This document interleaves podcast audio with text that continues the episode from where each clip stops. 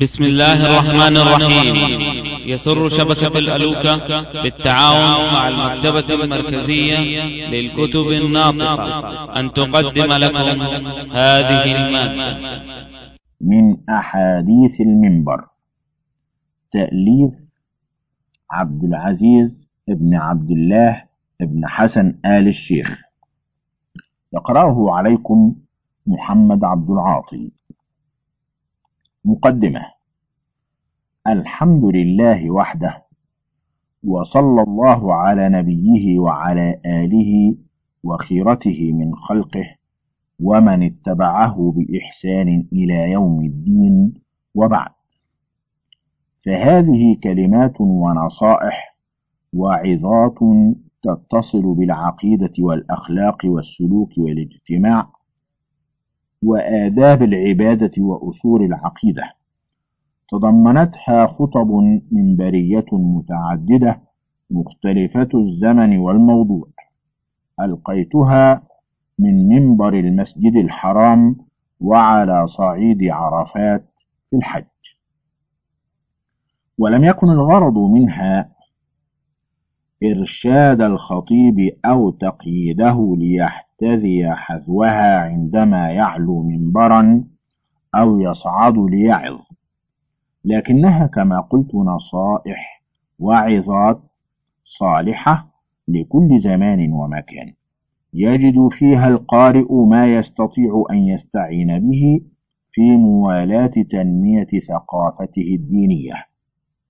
كما أرجو أن يجد فيها الخطيب الذي تسعفه ذاكرته بإيراد الأدلة والإلمام بالموضوع ما يسد حاجته. فما يقوله مرشد أو واعظ أو مذكر هو ما يقوله الآخر وإن اختلف الأسلوب والتعبير. والمقصود أن يتقن ما يقول المرشد وأن يعمل به هو ومن يسمع منه حتى تتحقق الغاية وتتم الاستفادة. وقد كنت مترددا في طبعها خوفا من أن يعتمد بعض الخطباء عليها ويترك التجديد في الموضوعات والمواعظ وعلاج المشكلات الاجتماعية الحاضرة إلا أن رغبات كثير من الإخوان في جمعها وطبعها كمجموعة قد تحصل منها الفائدة وتكون عونا لمن يصعب عليه التحضير وحسن اختيار الموضوعات المناسبة. لذلك عزمت على جمعها وطبعها. وقد رغب صاحب السمو الملكي الأمير فيصل بن فهد بن عبد العزيز في طبعها مساهمة من سموه في عمل الخير كعادته وفقه الله وسدد خطاه ويسر لسموه سبل الخير والله من وراء القصد وهو حسبنا ونعم الوكيل. عبد العزيز ابن عبد الله بن حسن آل الشيخ إمام وخطيب الحرم المكي. الأمر بالمعروف والنهي عن المنكر. الحمد لله الذي أكمل لنا الدين وجعلنا خير أمة أخرجت للناس تأمر بالمعروف وتنهى عن المنكر. أحمده سبحانه وأشكره وأشهد أن لا إله إلا الله وحده لا شريك له وأشهد أن نبينا محمدا عبده ورسوله. أكرم نبي أنزل عليه أشرف كتاب. أما بعد فقد قال الله تعالى كنتم خير أمة أخرجت للناس تأمرون بالمعروف وتنهون عن المنكر وتؤمنون بالله. المسلم مكلف بالأمر بالمعروف. مكلف بالنهي عن المنكر ممنوع من التجسس لأن تتبع عورات المسلمين والتجسس عليهم خلق ذميم وشر وفساد. والدين يحارب الإفساد وينهى عن الخلق الذميم. كل منا يعرف ذلك. فما هو التجسس الذي قد نهينا عنه حتى نحذره ونكون على بصيرة فيه. وحتى لا نترك ما أوجب الله علينا القيام به من التآمر بالمعروف والتناهي عن المنكر. إذ لا سعادة لنا ولا صلاح إلا بالقيام به. قال الله تعالى والعصر إن الإنسان لفي خسر. والرسول صلى الله عليه وسلم أوجب فعل الخير وإرشاد الناس إليه على كل مسلم كل بحسب ما استطاع إلى القيام به سبيلا. فالإرشاد إلى الخير والأمر به والنهي عن الشر ومنع وقوعه ليس من التجسس الذي نهى الله عنه بقوله ولا تجسسوا. فالتجسس تتبع العورات والبحث عما خفي منها. والمسلم منهي عن تتبع عورات إخوانه المسلمين ومتابعتهم فيما يعملون مستترين ومستخفين.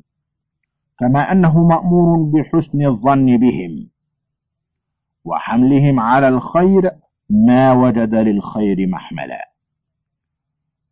وإذا سمع بالمنكر ولم يره فقام بواجب الإنكار. أو علم بأن أناسا سيعملون فسادا وهو لا يقدر على منعهم فرفع أمرهم إلى من بيده القوة فليس من التجسس. عباد الله إن التعاون على البر وفعل الخير والتواصي بالحق والأمر بالمعروف والنهي عن المنكر واجب لا عذر لأحد في تركه وليس من التجسس. فالمؤمنون ما داموا إخوة يدا واحدة ما داموا كالجسد الواحد وكالبنيان يشد بعضه بعضا. واجب عليهم التناصح فيما بينهم والتواصي بالحق والصبر عليه والتعاون على قطع دابر الفساد وتطهير أنفسهم من الأمراض التي تفسد الأمة وتقضي عليها إذا بقيت فيها ولم تحارب. فأمراض المجتمع وفساد الأخلاق أعظم ضررا من أمراض الأجسام. عباد الله تآمروا بالمعروف وتناهوا عن المنكر وردوا السفيه عن غيه وألزموه طريق الصواب وسبيل الخير. ولا تتركوا الجاهل والسفيه يعبث ولا راد ولا ناصح له. إن المعروف ما عرفه الشرع وأقره وأمر به والمنكر ما أنكره الشرع ونهى عنه. لا عذر لأحد منا في ترك الأمر بالمعروف والنهي عن المنكر ما دام قادرا عليه.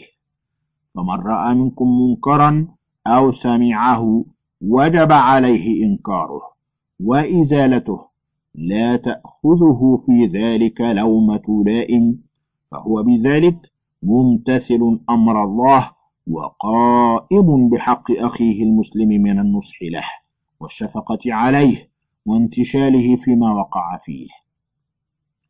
قد ساهم في إصلاح مجتمعه وتطهيره من الرذائل والأمراض التي تنهك جسم الأمة.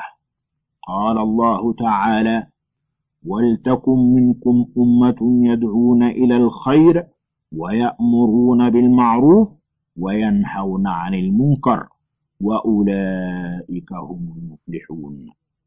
والرسول صلى الله عليه وسلم أوجب الأمر بالمعروف والنهي عن المنكر على كل فرد من المسلمين ولم يقتصر على طائفة تأمر وتنهى دون غيرها. قال صلى الله عليه وسلم من رأى منكم منكرا فليغيره بيده فإن لم يستطع فبلسانه فإن لم يستطع فبقلبه وذلك أضعف الإيمان. فلو امتثلنا أمر رسول الله صلى الله عليه وسلم وقام كل منا بواجبه لم يظهر فساد ولا منكر ولعم الخير وكثرت البركات وصحت الأجسام وبذلك يستقيم الدين ويقوى وتصلح الأمة. وينشأ الشباب في مجتمع صالح كله خير وبركة. في مجتمع فيه التعاون على الخير والتحاب والتراحم والتماسك في مجتمع سليم من الأمراض وعوامل الفساد.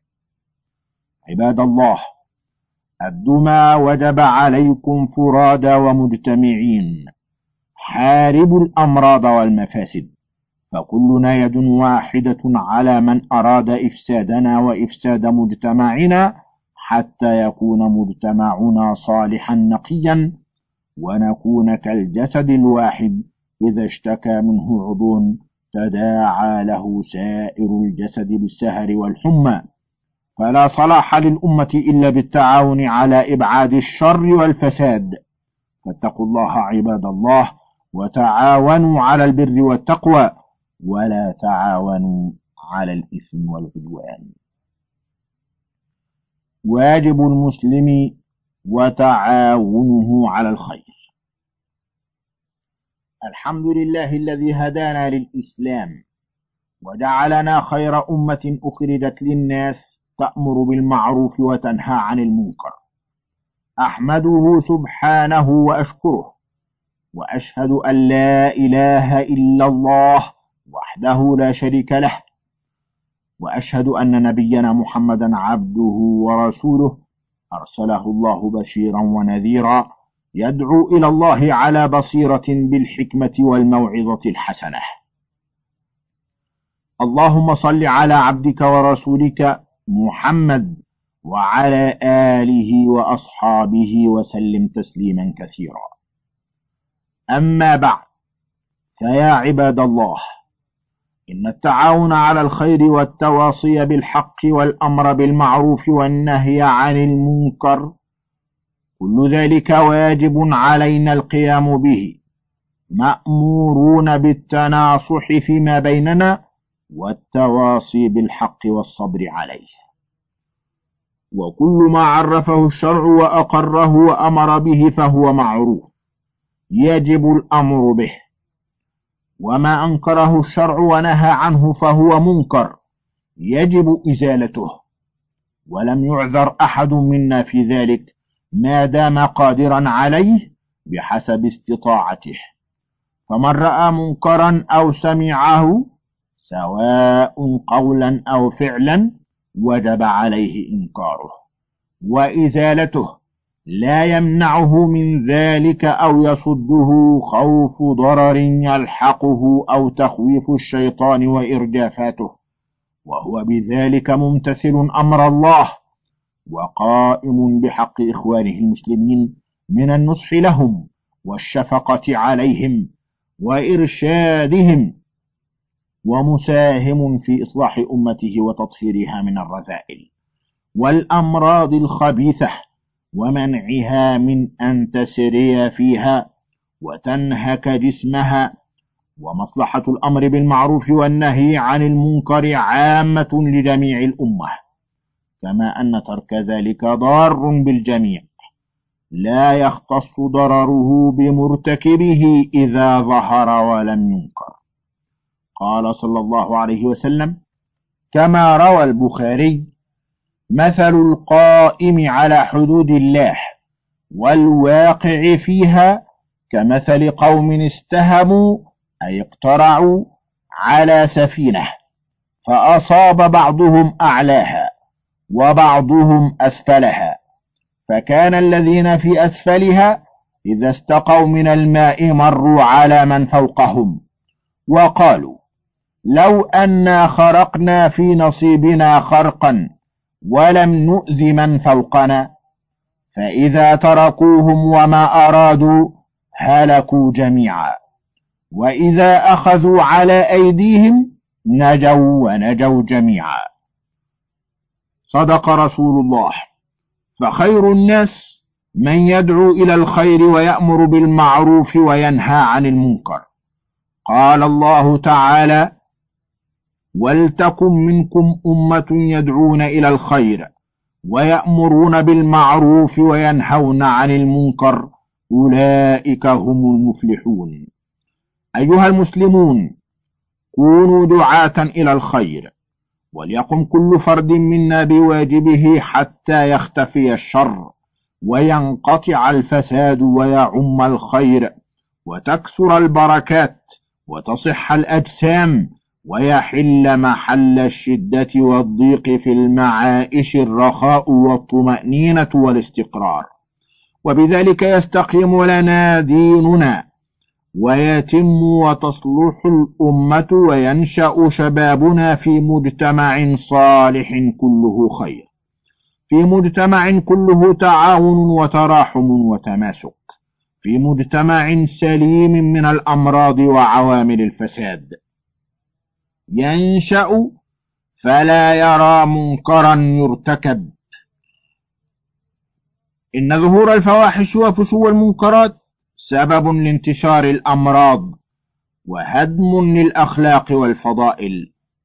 عن النبي صلى الله عليه وسلم قال لم تظهر الفاحشة في قوم قط حتى يعلنوها إلا فشى فيهم الطاعون والأوجاع التي لم تكن مضت في أسلافهم. وقد حصل ما أخبر به صلى الله عليه وسلم.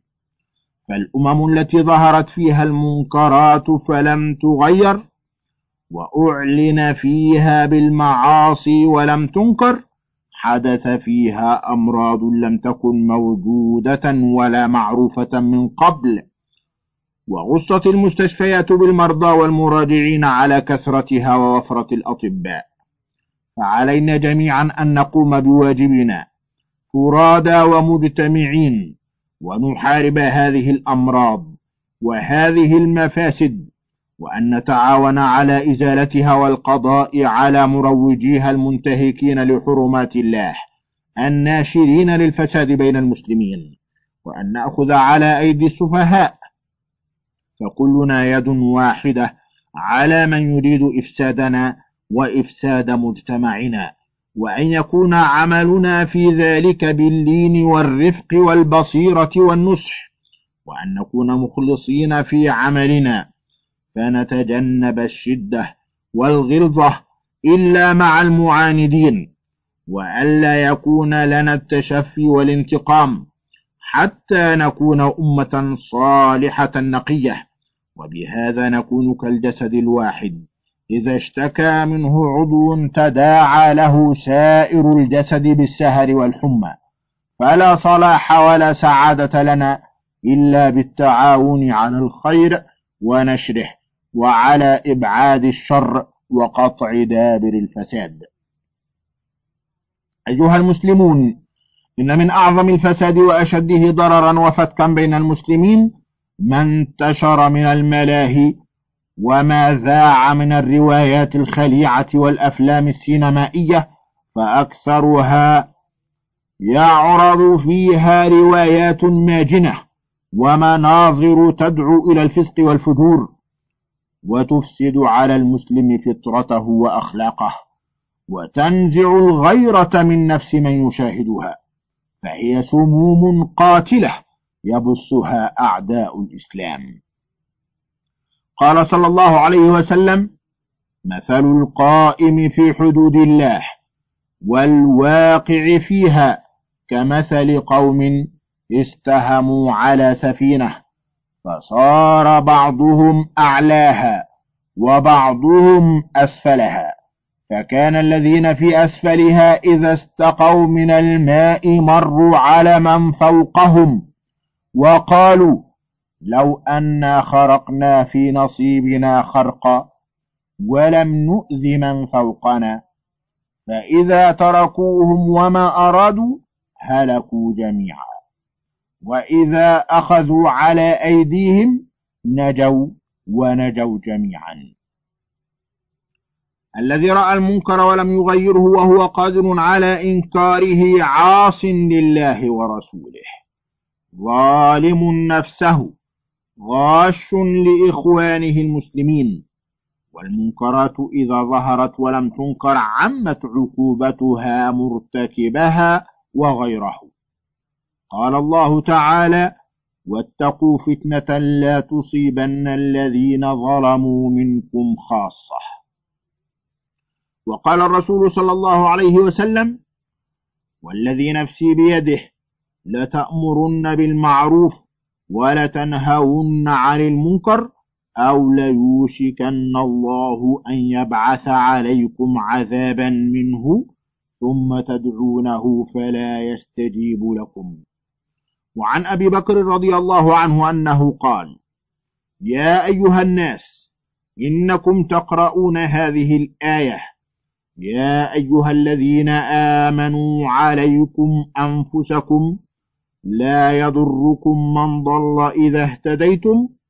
وإني سمعت رسول الله صلى الله عليه وسلم يقول إن الناس إذا رأوا الظالم فلم يأخذوا على يديه أوشك أن يعمهم الله بعقاب من عنده.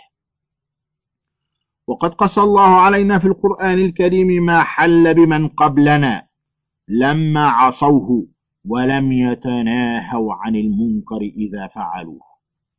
قال الله تعالى لعن الذين كفروا من بني إسرائيل على لسان داود وعيسى بن مريم ذلك بما عصوا وكانوا يعتدون. كانوا لا يتناهون عن منكر فعلوه. لبئس ما كانوا يفعلون. وحذرنا الرسول صلى الله عليه وسلم من عملهم. فنعاقب كما عوقبوا. قال صلى الله عليه وسلم لتأمرن بالمعروف ولتنهون عن المنكر ولتأخذن على يد السفيه ولتأطرنه على الحق أطرا.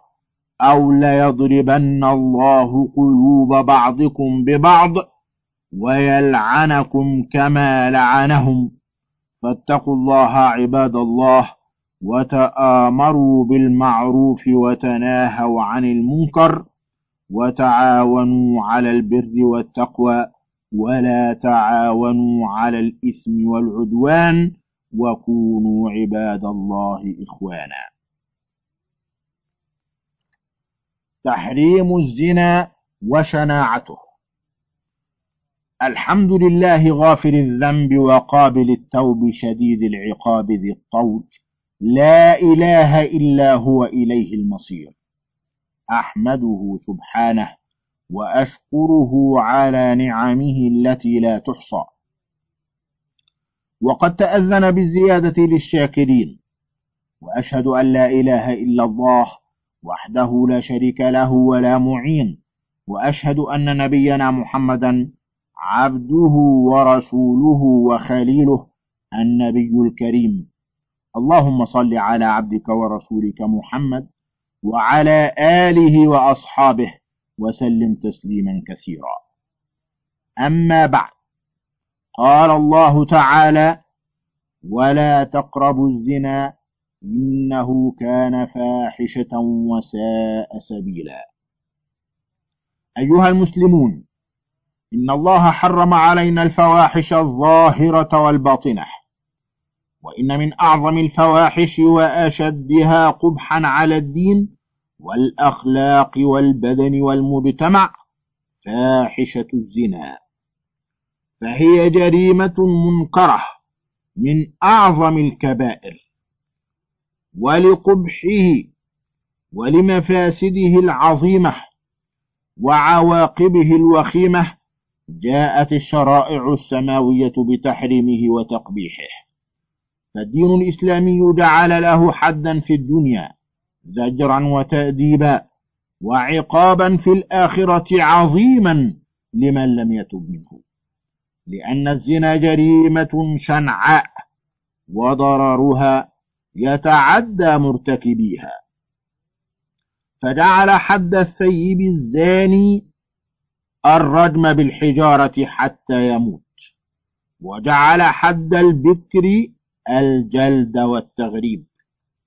ونهي المقيم للحد عن أن تأخذه الرأفة بمرتكب هذه الفاحشة. وأمر أن تكون العقوبة في مشهد من المؤمنين لتكون أشد في الزجر والتأديب. فمرتكب الزنا مجترئ على الله وعلى شرعه خارج عن طاعته. قد خلع ثوب الحياء من عنقه وأصبح عبد شهوته وشيطانه. وقد تحمل المرأة فتدخل على زوجها وأهلها ولدا أجنبيا عنهم. فيرث بغير حق وينتسب إلى غير أبيه وعشيرته وتختلط الأنساب وتشتبه. فلا يعرف للولد أب ينتسب إليه ويقوم بتربيته. كل ذلك بسبب ارتكاب جريمة الزنا. أيها المسلمون كيف يجترئ الإنسان على هتك المحرمات والتعدي على أعراض الناس غير مبال بأن له عرضا يغار عليه؟ وكيف يرضى لنفسه أن يجني على عرض امرأة في عصمة زوجها وعشيرتها؟ فيفسد عليه فراشه ويخرب بيته ويشتت أسرته. فمرتكب الزنا عاص لله متبع لهواه مسيء إلى نفسه بتدنيس عرضه وتلويث سمعة من ينتسب إليهم. مساعد على انتشار هذه الفاحشة الشنعاء وإفشائها بين إخوانه المسلمين. وفي مجتمعه الذي هو عضو من أعضائه فيا معشر الشباب استمعوا إلى إرشاد نبيكم محمد صلى الله عليه وسلم.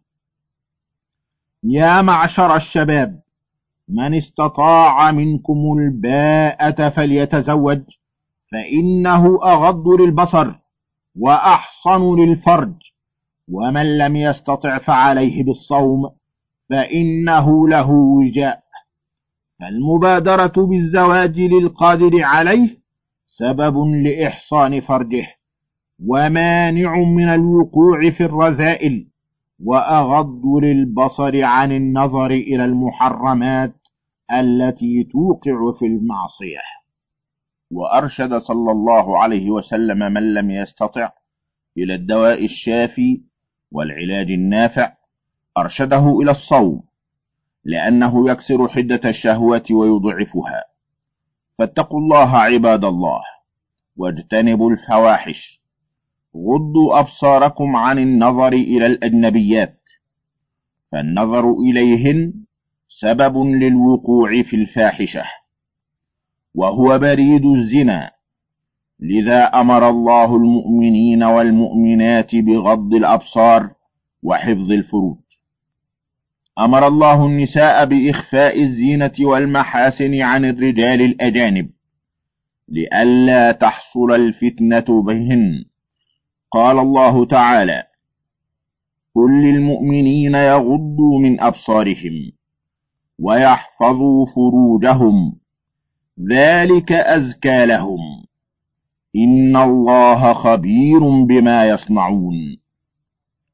وقل للمؤمنات يغضضن من أبصارهن ويحفظن فروجهن ولا يبدين زينتهن إلا ما ظهر منها. وفي الحديث النظر إلى المرأة سهم مسموم من سهام إبليس واختلاط الرجال الأجانب بالنساء والخلوة بهن هو الداء العضال والسبب المباشر للفساد. ولذا جاء في الحديث ما خلا رجل بامرأة إلا والشيطان ثالثهما. وقد نهى صلى الله عليه وسلم أن يخلو الرجل بالمرأة إذا لم يكن معها محرم.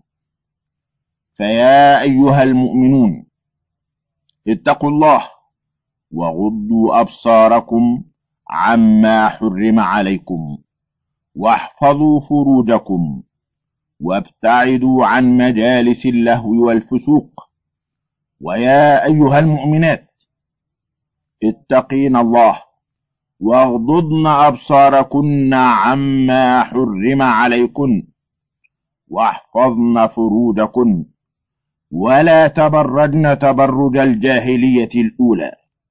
فتفتن الرجال فإنكن حبائل الشيطان. ولا تخرجن من بيوتكن إلا متسترات محتشمات. ولا تخرجن إلا لحاجة. قالت عائشة أم المؤمنين رضي الله عنها لو علم النبي صلى الله عليه وسلم ما أحدثت النساء بعده لمنعهن من الخروج. هذا في زمن أم المؤمنين. فكيف حالهن في هذا الزمن الذي كثر فيه الخبث وظهر فيه الفساد وقل فيه الوازع؟ فاتقوا الله عباد الله وطهروا أنفسكم من هذه الرذيلة وهذه الأمراض الفتاكة. بارك الله لي ولكم في القرآن العظيم. أقول قولي هذا وأستغفر الله لي ولكم ولسائر المسلمين من كل ذنب. فاستغفروه إنه هو الغفور الرحيم. من فضلك تابع بقية المادة.